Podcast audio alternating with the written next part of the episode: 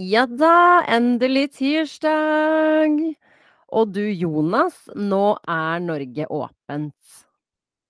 Det er så deilig, og det er også så deilig å ikke ha vært en del av eh, denne galskapen i helgen. Har du kunne lese om, lese om disse 2000 folkene som sto i kø, de som besvimte i kø, de som sto kø, i kø nede et eller annet sted i Oslo, hvor noen eh, på restauranten hadde blitt eh, skikkelig dårlig, så de hadde spydd fra andre etasje ned på de som sto i køen. Det var også god stemning blant de, tydeligvis. Alt var god stemning på lørdag. Altså, alle katastrofer. Til og med politiet var sa Nei, nei, det gikk bra. Det var bare noen slåsskamper her og der. Altså, alt var liksom hallelujastemning på lørdag. Alt var innafor. Jeg tror hvis det er én dag man skulle virkelig slått ut håret og bare mista seg sjøl, så er det på lørdagen som var. Fordi det er tydelig at det er da det er, Alt var lov. Alt var lov. Men jeg var ikke ute. Var du ikke ute? Du skal jo du, altså det er jo programforpliktet at sånn som meg skal holde seg hjemme for å slippe til sånne som deg. Ja, nummer én. Jeg er ikke den som står i kø. Ferdig snakka. Det er uaktuelt. Nummer to. eh, Jeg hadde eh, valpe, valpeduty, eh, så jeg levde mitt beste liv her hjemme i ro og fred. Mens jeg så alle disse vorspielene rundt omkring som dro forsiktig ut på byen. Det var full fest overalt, og så dro de forsiktig ut på byen sånn Nitiden, det var jeg veldig fornøyd med. Jeg har blitt hun der inntil videre. Det, tar, det tar litt tid, den avklimatiseringa. Du, må, du venter til køene er borte, sånn at du får bord, du får satt deg ned, og så kan du hygge deg. Korrekt. Så nå, men nå er det åpent, i hvert fall. Jeg er glad for det. Jeg er mest glad for at jeg slipper å tenke på alle regler jeg egentlig ikke har fått med meg er der. Jeg glemmer jo munnbind, jeg har, liksom, jeg har ikke liksom helt kontroll på alle reglene hele tiden. Så det, det er helt nydelig.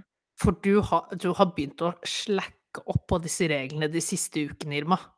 Jeg har snakka på dem ganske lenge nå, fordi jeg tenkte nå er vi nesten alle fullvaksinert. Jeg, jeg klarer ikke å forholde meg til alle regler. Jeg er ikke en regelrytter, eh, så dette er veldig problematisk for meg i sin helhet. Så du har fått tilbake friheten din nå. Jeg har fått tilbake friheten min, som er det viktigste, åpenbart. Det, jeg, jeg tror det var det Bent Høie tenkte på også da han åpnet opp landet.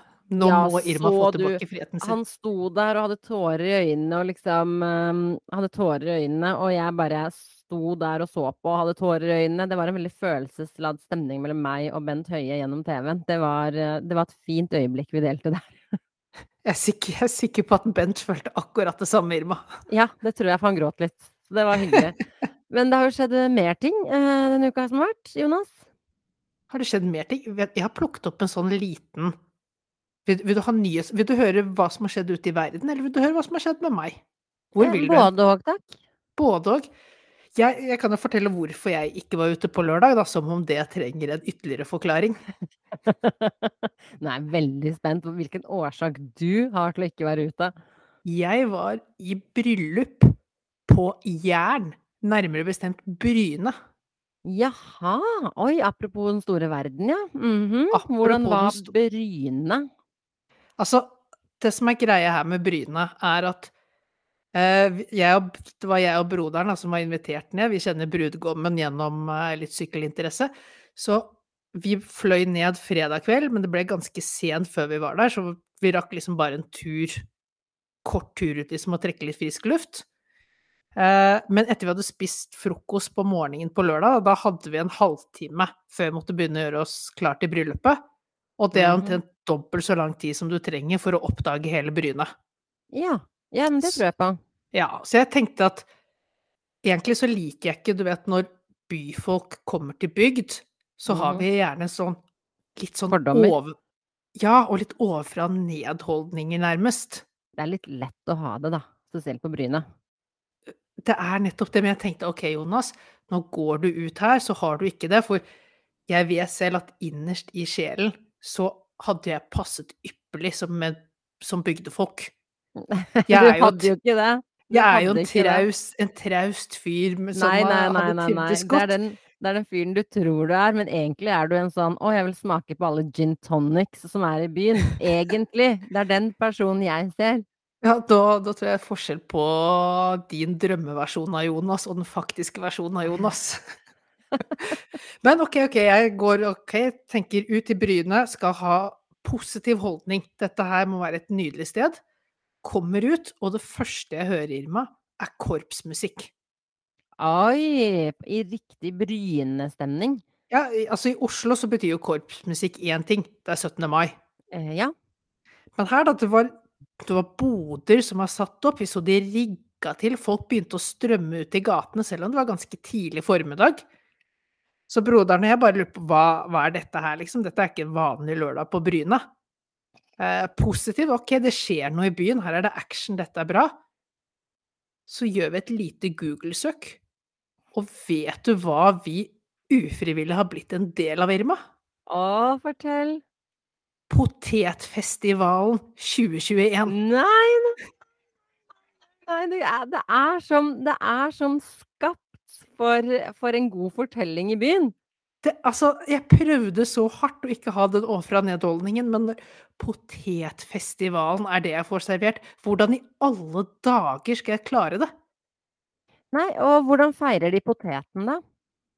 Altså, de hadde litt sånn klatrestativ og bungee-jumping og alt øh, for barn.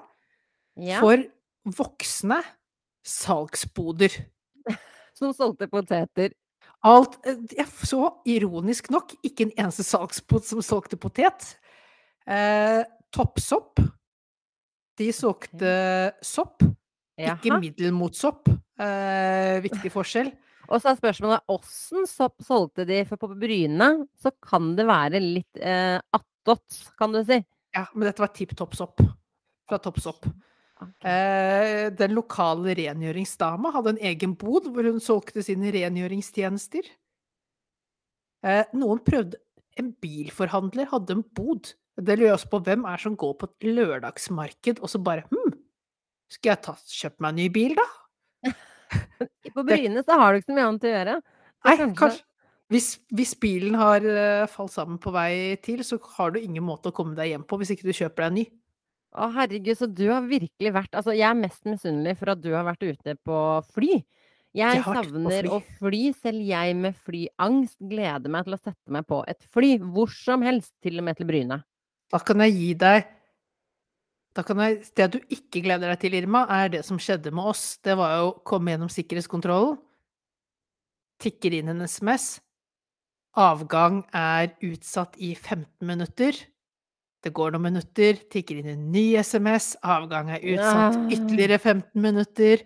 Og sånn holdt det på til Jo. jeg tror vi kom og gå en halvtime, tre kvarter for sent. Ja, vet du hva, jeg hadde stått i det også. Det er faktisk helt greit. Jeg savner til og med det derre flyplassstresset. Det kan jeg stå i akkurat nå. Bare Til send meg av gårde.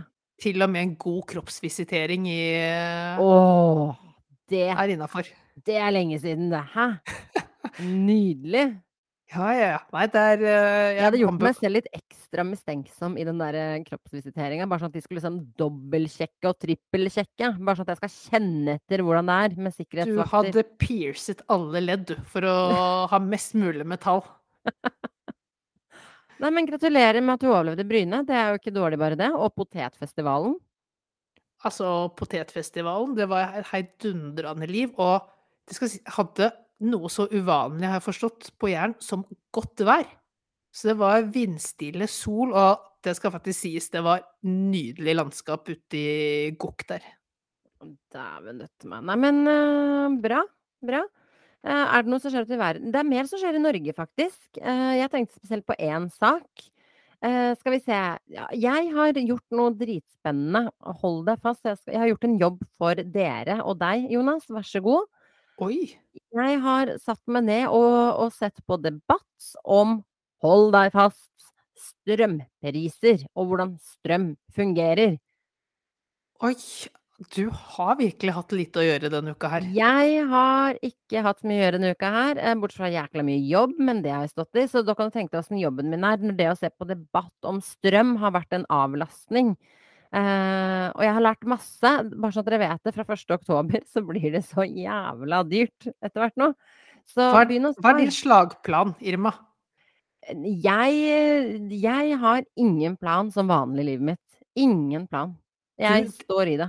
Ja, og det er det som er så nydelig med det, at du har jo et såpass høyt shoppingbudsjett at du kan bare trekke litt ned på det og bruke me eh, av de pengene på strøm istedenfor. For eksempel, men det er heller ikke aktuelt, så det får gå fra fellesen, som jeg pleier å si. Alle kjipe ting rett fra fellesen. Uh, ikke fra mine shoppingpenger. Det er uaktuelt. Nei, men strøm blir kjempedyrt, uh, og jeg har funnet ut hvorfor. Fordi vi eksporterer ut masse av strømmen vår til England, eksempel. Ja. Uh, så vi gir bort masse strøm, som gjør at vi har veldig mye mindre strøm igjen i landet. Og når det er lite strøm igjen i landet, så blir jo prisene mye dyrere for strøm for de som er i landet. Men vi gir vel. Men vi gir vel bort fordi vi ikke kan lagre energi lagre strøm? Eh, det? ja, det er riktig, men vi kan jo bruke det sånn at vi får lavere strømpriser på et vis. Ja. Så så nå nå ønsker du å gå etter, eh, regjeringen for å få tilbakebetalt din andel av disse England-inntektene på strømmen? Ja, neste gang jeg er i London og skal shoppe, så skal jeg kreve noen heftige rabatter. For jeg skal si det lyset her, ser du det lyset i butikken din? Kjære Chanel. Dette lyset her, det har jeg betalt for. Så sett deg ned og gi meg den veska nesten gratis. Det, det, det blir clouet, faktisk. Ja. Og hvis dere lurer på hvorfor jeg roper, så er det fordi av en eller annen grunn så er lyden min litt lav, har jeg skjønt. Ja, den høres litt lav ut denne uka òg. Jeg håper det blir høres bedre ut enn Jeg det det skal høres ut prøve å snakke så høyt jeg kan uten at det blir for slitsomt, for jeg blir sliten av meg selv når jeg snakker så høyt som jeg gjør nå. Jeg vet ikke. Men jeg prøver å holde energien oppe. Så det er i hvert fall min plan. Jeg skal, England skal betale tilbake one way or another. Uh, hvis ikke regjeringen fikser det, så må jeg gjøre det selv. Så ja. Så da har du Men kan kan du forklare meg én ting, Irma, når du nå har lært mye om strøm? Ja. Hva er en kilowatt-time? Eh, Det er det ingen som vet. Nei, Det er vet ingen bare at det er er vet. pris. Ja, det er det det koster. Eh, Du får en faktura med masse, masse Det så vi på Debatten, med masse sånn Og det her er det som er sjukt. De tok et uh, fakturaeksempel. Hør hvor sjukt det her er. Det er nesten så ikke du tror på det. Altså, av fakturaen din på 2000 kroner, så betaler du ca. Eh, hva som blir da? Det blir ca. 1500 kroner går til alt som er relatert til strøm. Vil si nettleie, selve strømbruken osv. Ting som må dekkes. Over en fjerdedel av fakturaen din er, hold deg fast, avgifter til staten Nei, ja, avgifter til staten for at du får lov å bruke strøm. Og så er det moms på de avgiftene for at du får lov å bruke strøm. Ah, så sånn det er avgift på avgift? Det er avgift på avgift, så du bruker liksom det er, de har liksom De har bare funnet på masse navn som de har putta på fakturaen og sagt at dette skal alle betale. Dette skal alle betale. Og det er helt sjukt! Og så får de spørsmålet sånn Kan, det, kan, staten, um, kan staten ta og kutte strømregninga for folk? For nå begynner det å bli veldig dyrt, spesielt for de som har lite. Og da sier staten Nei, vi kan ikke blande oss inn i strømreguleringa. Jo, dere kan f.eks. ta bort momsen på avgiften. Vet du hvor sjukt det er, Jonas? Vet du hvor sjukt det er å ha en moms på en allerede satt avgift for at man får bruke et produkt? Men det er jo Norge et nøtteskall. Vi elsker jo å avgiftsføre avgifter. Eh, Det er det vi kaller, rente, kaller renters renteeffekt for eh, staten. Ja, samtidig det er de samme politikerne som har bestemt dette her, som også har bestemt at de selv ikke skal betale skatt av gratis eh, leilighet og, fra jobben. Som i motsetning til resten av oss som betaler skatt både på gratis telefoner og internett og you name it, så, så tror de at en leilighet faktisk er fritatt skatt. Så jeg har skjønt at vi lever i som Karen Mommeby-stemning. Altså, det, det er jo tull, på en måte, det vi holder på med. Det, det vi må gjøre nå, Irma, for å straffe politikerne, er at eh, nå må vi sette alle eh, lys og varmeovner på full guffe gjennom hele oktober på disse pendlerboligene i Oslo, sånn at de får en helvetes strømregning. Ja, et eller annet må vi gjøre. Altså, det er jo helt tullete sånn som det har blitt. Men det er i hvert fall min oppdatering fra uka. Så kan man jo si at jeg kunne levd et mer spenstig liv, men det gjorde jeg ikke den uka som har vært. Nei. Jeg, jeg er fortsatt lav, Jonas, det er viktig å ta dette på direkten. jeg tror du fortsatt er litt i grann lav. Men i alle dager, jeg fatter ikke hva det er for noe. Oi! Oi, ikke slå deg sjæl med mikrofonen, Irma. Det har du Nei, ikke, altså, det har du ikke fortjent. fortjent. Oi, nå skjedde noe. Eller gjorde det? Gjorde det? Ja, Ja, det nå gjorde det. bedre. Hallo. Hva er det du Herregud, har så deilig at jeg ikke må skrike. Hva er det du har gjort, Irma? Jeg vet ikke, jeg tror det er noe feil med ledninga mi, men eh, jeg håper dere mm, smører med tålmodighet, vi skal finne ut av dette her. For det er bedre nå, ikke sant? Nå er det mye bedre. Åh, thank god. Det var veldig slitsomt for stemmebåndet å rope. Det, det tror jeg ingenting på. Jeg tror du er vant til å skrike på folk. eh, Men kanskje å skrike bare sånn inn i en mikrofon var litt uvant. Jeg mener helt oppriktig at jeg burde skreket mye mer enn det jeg har gjort i mitt liv eh, til folk. For det er veldig mange skrikinger jeg holder igjen, for å si det mildt. Så nei, overraskende lite skriking, dessverre. Jeg tror jeg skal ta på meg en av disse hattene jeg er i ferd med å skaffe meg i dette programmet, Irma. Oi, fortell. Jeg tror jeg skal ta på meg min uh, hatt som svensk korrespondent. Oi! På, hva skal vært- du korrespondere? Nei, sist så fant vi jo denne Jonas og Irma på den. Nå har jeg funnet en liten life hack fra Sverige. Jaha, fortell. Og den tenker jeg kan være grei nå, for uh, folk har vært på hjemmekontor, man har vært effektive der, og så skal man nå etter hvert tilbake på kontoret uh, i, blant folk med mye press. Altså, det kan bli litt overveldende for noen. Uh, ja. Så skatt, i svenske skattemyndighetene fant en helt nydelig måte å, å komme seg litt unna det verste arbeidspresset på. Oi, fortell. Jeg vil ha det tipset. Vedkommende tok og ringte seg selv i 55 timer. Så ingen andre kom gjennom. Han uh, satt og jobba han i 55 timer, prata med seg sjæl og rådgiv, rådga seg selv. Å ja, det er jo kjempesmart. Det er Hvordan gjør man det på mail, da? Sånn hei, jeg er ikke tilgjengelig, for jeg er kjempeopptatt med jobb. Jeg, jeg, tror, jeg, tror du må, jeg tror du bare må sette opp noen mailadresser som sender deg kontinuerlig mail. Du må ha noen eh, telefoner som eh, med jevne mellomrom ringer deg opp på jobben. Du må booke Teams-møter, for det er fortsatt lov med Teams-møter, det har vi lært. Du må gjøre det, sette opp de med deg selv. Det er, kreativiteten er det eneste som stopper deg. Dette må vi skrive ned. Dette er en life hack. Ja. Jeg Ja. trenger litt av pustepause etter de par ukene som har vært, så det skal jeg begynne med. Jeg skal begynne å booke meg selv inn. Eh, helst gjerne hele dagen, for kanskje jeg har et seminar eller workshop med meg selv. Det er jo fort gjort at man må ha. Det bør man gjøre. Det, eneste, det som skal sies er at denne her svensken ble jo da, i og med at dette her er et nyhet, ble jo oppdaget. Ja, det Ble dumt. tatt på fersken. Men ta det med ro. Eh, arbeidsloven står såpass sterkt i Sverige, og helt sikkert i Norge òg, at vedkommende fikk ikke sparken. Måtte bare Nei, unnskylde seg. lov, det. Det er ikke Nei, lov å få sparken. Men det er bare at eh, problemet hans nå er at han kommer til å bli overvåket resten av sitt liv på den plassen sin. Ja, men du kan ikke bli for overvåket heller, vet du. Dette landet her, da bryter man noen regler da òg. Så nå, nå er, han har sikkert oppgradert at hans søster ringer han, eller et eller annet sånt, istedenfor at han ringer seg sjæl. Et fremmed nummer. Ja. Men apropos folk som ringer. Jeg har en kjempe Hører meg godt nå, liksom? Ja. Nå be, bedre iallfall. Jeg tror fortsatt du har mer å gå på på kvalitet, men, Ja, men herregud, jeg får snakke høyt. Jeg vet ikke om det hjelper, men vi får prøve. Vi fikser det neste gang.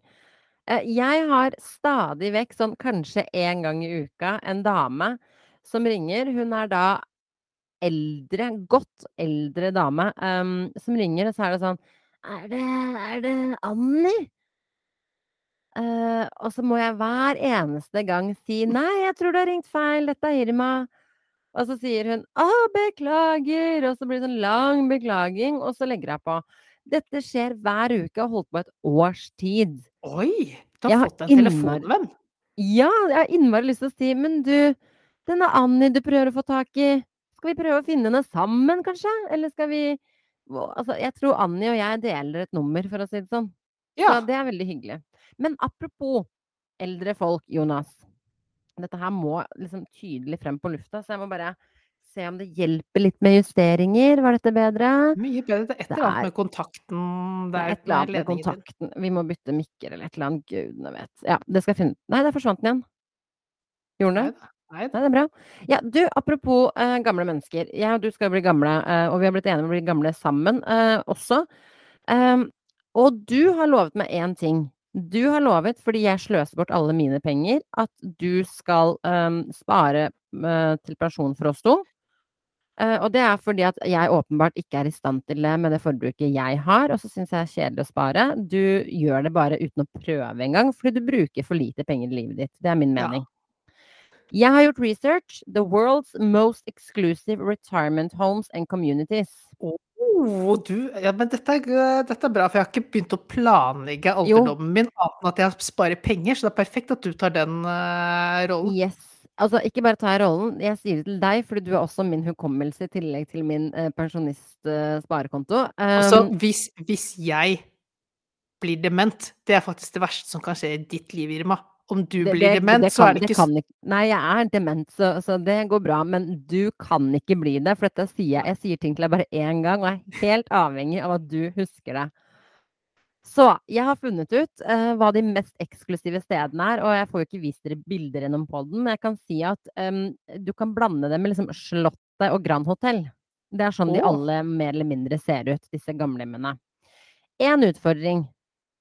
Veldig mange av de ligger i UK. Jeg har ikke lyst å dø gammel i UK. Det er, men, men er det der virkelig toppen av levestandard for eldre er, altså? Jo, men dette er private, ikke sant? Det har man Ja, ja. nesten ikke i Norge, og private i Norge er på lik linje som offentlige. Eh, så jeg kan ta den som ser helt sjuk ut, og så kan du gjette litt pris, for du må begynne å forberede deg finansielt. Jeg tror den sparinga di må opp noen hakk. Ok, ok. Så, så Og med strømprisene nå, nei, dette her virker eh, håpløst, Irma. Ja. Det er godt ikke du skal ut på byen med det første og bruke penger. Um, det er et sted som heter Binswood Hall, Hall i UK. Uh, der er det 90 leiligheter. Du kjøper da en leilighet, og alt av pleie og alt annet følger jo med disse leilighetene. Og de varierer i størrelse. Uh, skal vi se Du kan jo gjette hva den billigste leiligheten, som er da en cozy Nei, jo. Jo, det er en cozy one bed cottage koster. En one bed cottage, altså en Ja. ettroms hytte. ja så, Er dette for leie et år, eller kjøper man den? du kjøper. Du kjøper den? Nei, må du ut med Og jeg og du kan jo ikke ha en one bed cottage hvis ikke vi er så gamle og sletne at vi eh, bare fuck it, vi gjør det sånn. Så vi må egentlig ha en two bed apartment. Ja. Ja, da så det, det må vel holde med en million pund? Uh, Oi, oi, jeg liker at du legger det der. Nei, vet du hva, det er ikke så gærent. Uh, det er 200 Altså, for den billigste 298 000 um, dollar, for å ta det i dollar. Oh, ja. Så det er 2,9 millioner kroner. Men det er en års, uh, årsgreie som koster ca. 500 pund. 5000 kroner annual ground rent. Dette Og er der får vi, jeg kan avsløre, vi får eget, um, eget basseng. Vi har en bar. Vi har tre ulike restauranter. Inkludert en sånn eksklusiv eh, liksom femstjerners opplegg. Uh, vi har pleiere. Det er tre pleiere per leilighet. Så du er godt sikret med hvis vi blir sjuke, noe vi selvfølgelig ikke skal bli, men you know.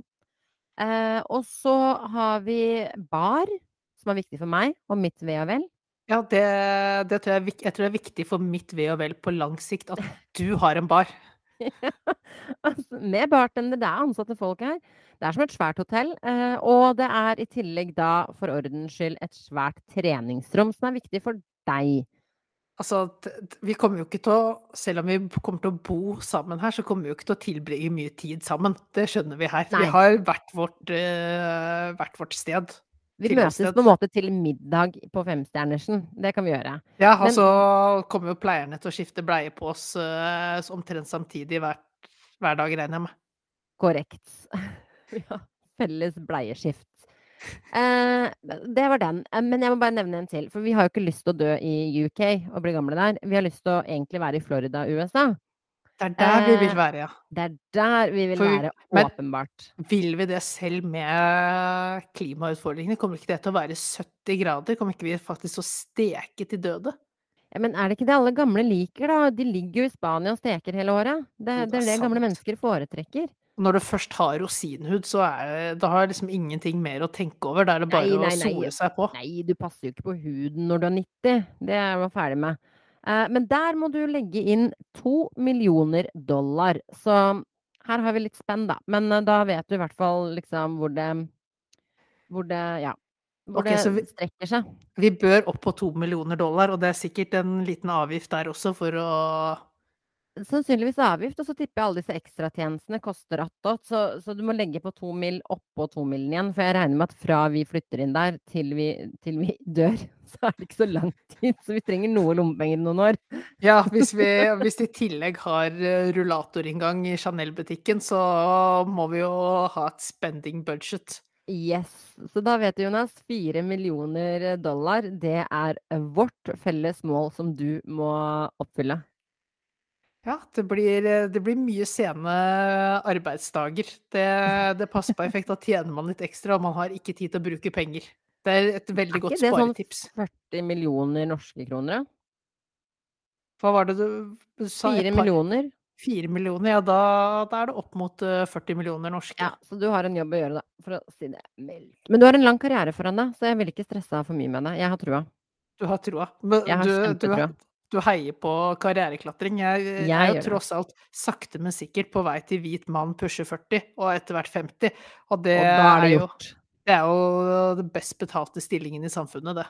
Det er det. det er det. Så gratulerer. Det er derfor du må forsørge oss når vi blir gamle. så det var det jeg hadde, sånn umiddelbart. Eh, du hadde noe mer? Ja, jeg hadde ikke så mye mer. Å eh, jo, det hadde du bare glemt det, så nå må jeg være hukommelsen din. Oi, skal du være hukommelsen min? Hva Jeg sier jo ikke ting gøy, jeg sier det for det er en mening bak det. Oh, ja. Vi skulle snakke om Formel 1, Jonas. Å ja, ja, du vil at jeg skal bringe opp Formel 1? Ja, fordi du Ja, er jo mann, tross alt. Ja, ja, så Sport er jo egentlig min uh, kategori her. Det er bare at dette er den eneste sporten jeg får lov til å prate om. Ja. Det var jo helt nydelig. Jeg så Formel 1 på liten skjerm mens jeg så på sykkel-VM eh, på søndag. Satt du og multitaska to sporter? Altså at jeg Det sier jo litt om hvor lite action det er i sport om dagen, men det skal sies, da Formel 1 denne uka her har vært genialt. At det kun var to sporter jeg multitasker samtidig, var faktisk en eh, litt slow søndag for meg å være. Ja, men i svarte, hvordan multitasker man sporter? Du har jo flere skjermer. Ja, men herregud, du skal jo få med deg det som skjer, da. Ja, men du Dette er det ene, liksom, det ene punktet i livet hvor multitasking virkelig fungerer for meg. Så gjerne følge tre-fire ting samtidig, men i og med at det bare var to ting, da, så klarte jeg å følge veldig godt med på Formel 1, følte følte jeg. Ja, og det skjedde mye. Det var nummer én, min favorittfører, han har blitt det i hvert fall nå. Lando Norris. Det er jo min favoritt også, Irma. Er det det? Ja, det er jo her vi møtes. Kødder du? Det visste jeg ikke. Lando Norris er her vi møtes. Resten er vi litt uenige om, men akkurat han føreren her, her er vi enige om at det her er jo en helt. Jeg visste ikke at vi var enige før nå, men det er jo kjempegøy. Jeg Det viser hvor mye ja. du lytter til meg. Ja, jeg, det vet du at jeg ikke gjør, så ikke bruk det mot meg i tide og utide, vær så snill. Eh, Lando Norris lå an og var i ferd med å vinne sin første, sitt første race. Det var helt insane. Han knuste kvalifiseringa. Det var helt genialt å se på. Han er da i dette Formel 1-kaoset, for de som ikke følger med, så er han blant de yngste. Han er en brite med krøllete, rart, eh, corny hår. Og et uh, typ sånn, hva skal man si, Kurt Nilsen-mellomrom mellom tenna. Og et kjempefint smil, og veldig mye sånn ung gutt-humor som er gøy. Fint Eh, smil og Kurt Nilsen-hull mellom fortenna. Du, du tegner forvirrende bilder Men litt sånn sjarmerende, da, ikke sant? Han er ikke Ja. sånn slick, han er ikke rar, han er ikke frekk, han er ikke ufin. Han er bare sjarmerende. Dette her er nabogutten som han bare tilfeldigvis har et helt sjukt talent for å kjøre bil. Yes, og da er det så greit å heie på han, spesielt siden han er blant de yngste. Så han lå helt i front, noe som nærmest ingen kunne tenkt seg for bare noen uker og måneder siden. Lå helt i front, lå han hele veien, og så skjer det som ikke skulle skje. Og det er bare fire løp eh, til de kommer i mål. De kjørte 53. Fire-fem runder, ja. Ja, de kjørte 53 runder totalt, så de var liksom rett mot mål omtrent. Hva skjer, Jonas? Da begynner det plutselig å ikke bøtte ned regnet, det begynner å sånn forsiktig regne. Og du hører eh, meldingene går over radioen mellom teamet og førerne. De vurderer De får beskjed Teamene får beskjed av førerne hvor mye det regner ute på banen. Og teamene informerer førerne hva værmeldingen sier at skal skje. Og så er det sånn avgjørelse OK, skal vi kjøre rundt her? Roe ned litt på farten, passe oss så vi ikke sklir ut i svingene? Eller skal vi inn, ta til postopp, tape en 30-40 sekunder minimum på å bytte dekk, og så gi full gass på de siste rundene? Hva i alle dager gjør vi? Og, og problemet er, for de som ikke vet det, er at dekkene har alt å si. I det tilfellet her så har du egne typ regndekk, eller intermediates også som det heter, fordi det er to forskjellige dekk egentlig. De er designa for å tåle å kjøre på regn. Husk at disse gutta her kjører liksom 360 km i timen i krappe svinger og whatnot. Så det er klart det, at når det begynner å regne på Formel 1, så er det litt som om du tar på deg en stumpeski i et langrennsløp. Så stor ulempe er det å, gå, å kjøre rundt på tørre eh, tørrværsdekk når det begynner å regne. Mm, de må tilpasse dekkene til enhver tid til forholdene. I det tilfellet her, Landon Norris helt i front, har bare noen få runder igjen. Han ser det, han, du merker stresset i stemmen hans over radioen. Han ser dette målet og drømmen rett innenfor rekkevidde. Det begynner plutselig å regne mer og mer og mer, og han får en mulighet til å skifte dekk eller ikke. Han sier 'jeg skifter ikke dekk, for jeg tror ikke det blir så mye regn'. Og alle i teamet bare Nå bytter han og han dekk, han og han, og til slutt Hamilton, da, som bare lå sekundene bak Lando Norris på dette tidspunktet, var han som presset han. Nå går Louis Hamilton inn og bytter dekk, og Lando Norris på radio bare 'shut up'! Han ville ikke han høre noe som helst. Ja, ja, ja. Så han, han som er i ferd med å ta han igjen, bytter dekk og blir med det umiddelbart mye raskere og tryggere på banen. Men det er 50 sekunder bak Lando Norris plutselig. Han leder jo med 50 sekunder, nesten et minutt. Det er jo normalt sett helt sjuke differanser i denne idretten her. Mhm. Men det som skjer med Lando Norris, er at disse eh, tørrværsdekkene hans på masse regn blir som renspikka iskjøring. Eh, så han begynner å miste grep om bilen. Den ruller mer og mer ut. Han klarer ikke svingene. Til slutt så krabber han omtrent fremover, for han tør ikke, eller han kan ikke gi fart. Han ser ut som en dement bestemor bak rattet. Ja, ja, ja, og bilen mister grep uansett hva han gjør.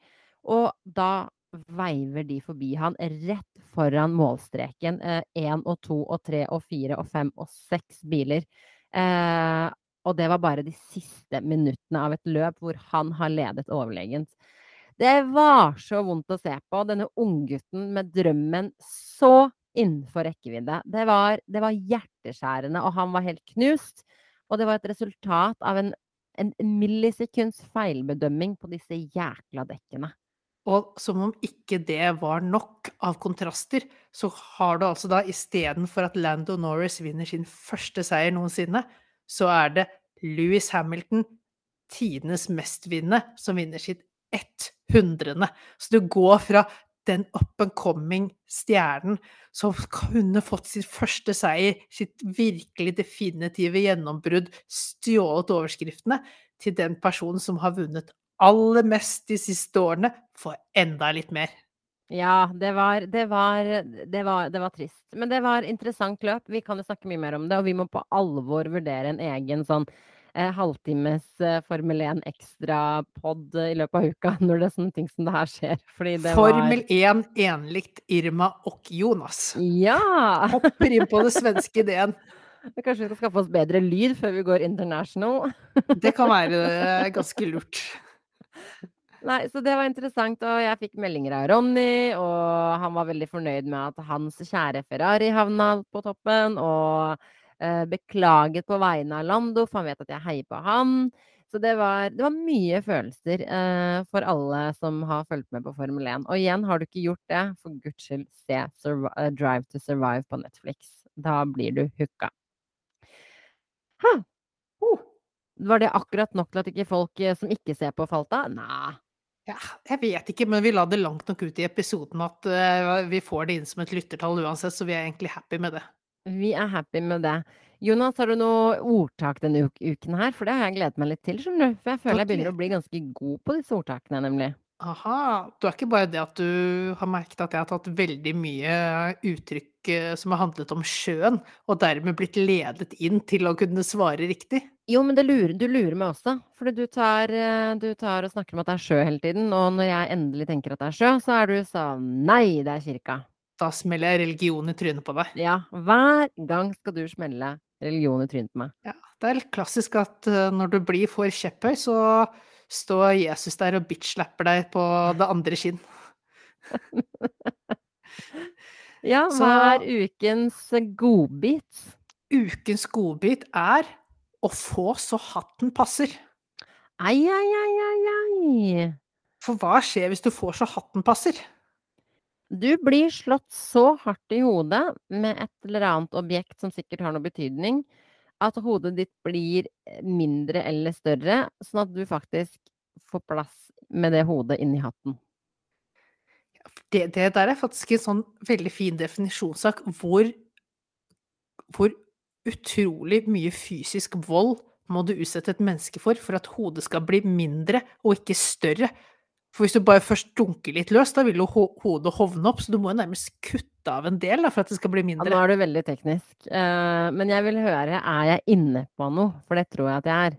Det kan ikke være noen annen forklaring. Uh, du er altså Spørsmål Du har jo egentlig bare snakket om hatt og hode. Og sånn sett så har du jo gått den mest logiske veien, og egentlig ikke strukket deg ut på noe kreativt i det hele tatt. Men du kan ikke være noe mer kreativ når du skal få så hatten passer. Passer. Nei, og du Eller er, Du på, må jo er si ordet får, er det en greie? Altså får som i sau? Ja, Og du tenker at det kanskje er et får som får en hatt som skal passe. Nei, det er du som sender meg på ville spor. Ja, så jeg, jeg har vært, jeg har vært på Bryne og sett mye får. Jeg har sett mye får på Bryne, og hvis de hadde fått litt så hatten passer, så hadde det vært et mye mer komisk og underholdende syn. Ok, men fortell, nå er jeg spent. Hva Nei. er Hvor rett var det? Når du får som hatten passer, så er det jo, det er jo liksom noe man sier med tanke på at da får man kritikk, du blir satt skikkelig på plass. Dette her Nå har du gjort noe du ikke skulle. Og det går litt tilbake til gamle dager, da, når de fleste menn, i det minste, hadde hatt som en del av hverdagsantrekket. Som jeg mener de fortsatt skulle hatt, fordi det er noe veldig, veldig pent med det. Vil du ha flosshatt? Vil du ha hva slags type hatt? Alle hatter, ha? bortsett fra de der britiske hattene, de der um, som ligger sånn flatt oppå. Det er ikke Så noe pent. golfflue, sånn der skotsk Ja, ja, ikke det. Ikke det. Alt hva- annet er ikke Men hva om du tar den der franske varianten, da, som er, egentlig er en sånn skotsk sekkepipelue, bare med litt mer eh, Nei, Litt ingen, mer ingenting av den skotske lua.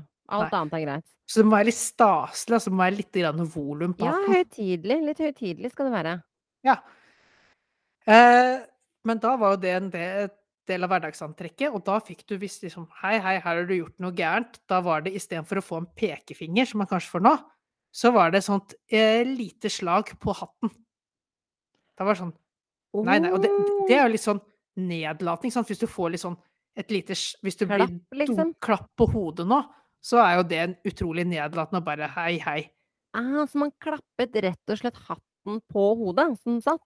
Yes, da. Og da, da fikk du så hatten passet, da, vet du. Da får, blir den jo trøkket litt automatisk litt ned over huet på deg. Ja, men da var jeg Jeg var ikke milevis unna. Jeg var, jeg var, jeg var en liten omvei, bare. Men, Ja. men jeg vant den. Ja, den vant du, men eh, det var også litt Dette var litt barnenivå på denne her. Du fikk det jo nesten Oi. servert fra uttrykket, syns jeg. Synes jeg, det syns jeg Igjen stripper jeg fullstendig for selvtilliten jeg har bygd opp i denne ord, ord, ordtrykksspalten. Uh, men jeg lar meg ikke, jeg lar meg ikke påvirke av det, og, og dine kommentarer og kritikk der. Nei, å, stri å strippe deg for noe som helst slags selvtillit, det høres ut som den mest fysisk krevende jobben et menneske kan ha. Hvis det er lov å si. Hvis det er lov å si. For det, det er mer enn et par-tre lag selvtillit som uh, du har uh, utapå kroppen. Ja. Jeg hadde en siste sak som egentlig passer litt inne med at vi var inne på får, men det passer egentlig ikke likevel, fordi det er ikke relatert. Men du kan kanskje dra noen linjer. inn Veldig, overgang der. veldig fin overgang, Irma. Jeg er veldig stolt når du syr det hele så Jeg så poetisk sammen. Ja, jeg er opptatt av den røde tråden hele veien her. Eh, det er én sak vi ikke rakk å snakke om i starten der, som jeg uh, huska nå. Eh, har du fått med deg at Kvamfjellet, der er det hytter? Hytteeiere. Ja, ja, ja. Hvor de driver og kaster stein på kuer. Har Ja, du liksom fått med deg det? Jeg har eh, fått det så vidt med meg. Og du lurer kanskje på hvorfor oppegående mennesker kaster stein på kuer. Eh, jo, fordi disse kuene er i veien for dem. De er ute og beiter rundt og i hyttetomtområdene. Eh, og det er veldig, veldig slitsomt. Og det kan jeg forstå, for vi har jo tross alt bygd hytter på deres beite. Ja, de syns Eh, sikkert ikke det er slitsomt at vi har kommet Nei. og pløyd over marka deres for å sette opp et hus. Nei, og, og så er jo kuer så, såpass skummelt, da, at i stedet for å liksom foie dem litt bort, eller dytte litt på dem, eller hva nå enn man kan gjøre med kuer, som eh, stort sett er gressetende og dermed ikke spiser mennesker, Um, så tar man og kaster stein på dem. Fordi, hold deg fast, de er i veien på gåstiene og sånn. Eh, så det istedenfor å tråkke rundt de, så kaster du stein på det. Ja, eller flytte på de, eller hva det nå er. Altså, de hyttefolket er atter en gang sinte, og jeg syns jo det er et tema som går igjen litt, jeg. Sånn fra pandemitiden, fra liksom Jevnt over så er hyttefolket De begynner liksom Og jeg kan si de, for jeg har ikke hytte selv enda. Og du, du sette mens du har mulighet. Ja, ja, ja, ja, ja. Jeg skal, jeg skal være hardt selvkritisk også jeg, den dagen jeg får meg hytte. Det tror Men- ingen på. Nei. Men du kan være kritisk. Å ja, det får jeg lov til. Ja. Så jeg tenker, det er noe det, det, det skjer noe i hodet på folk når man får seg hytte, for plutselig så er det noe veldig sånn hellig over hytta. Jeg tror, jeg tror det der har jeg en diagnose. Oh. I hvert fall i kvam. Det må være kugalskap. Uh. Oi, oi, oi. Jeg tenker at vi kanskje skulle latt det være o, mm, siste kloke ordet i ukens pod. Ja, vi, vi er helt tom for eh, fornuftige meninger eller uh, smarte refleksjoner, så da, jeg tror det er helt riktig tidspunkt å avslutte på. Takk for at du hørte også denne uka her på Fjas. Deilig eh, hjernehvilefjas, håper jeg. Eh, og så lover vi å fikse lyd til neste uke, og, og så snakkes vi snart igjen.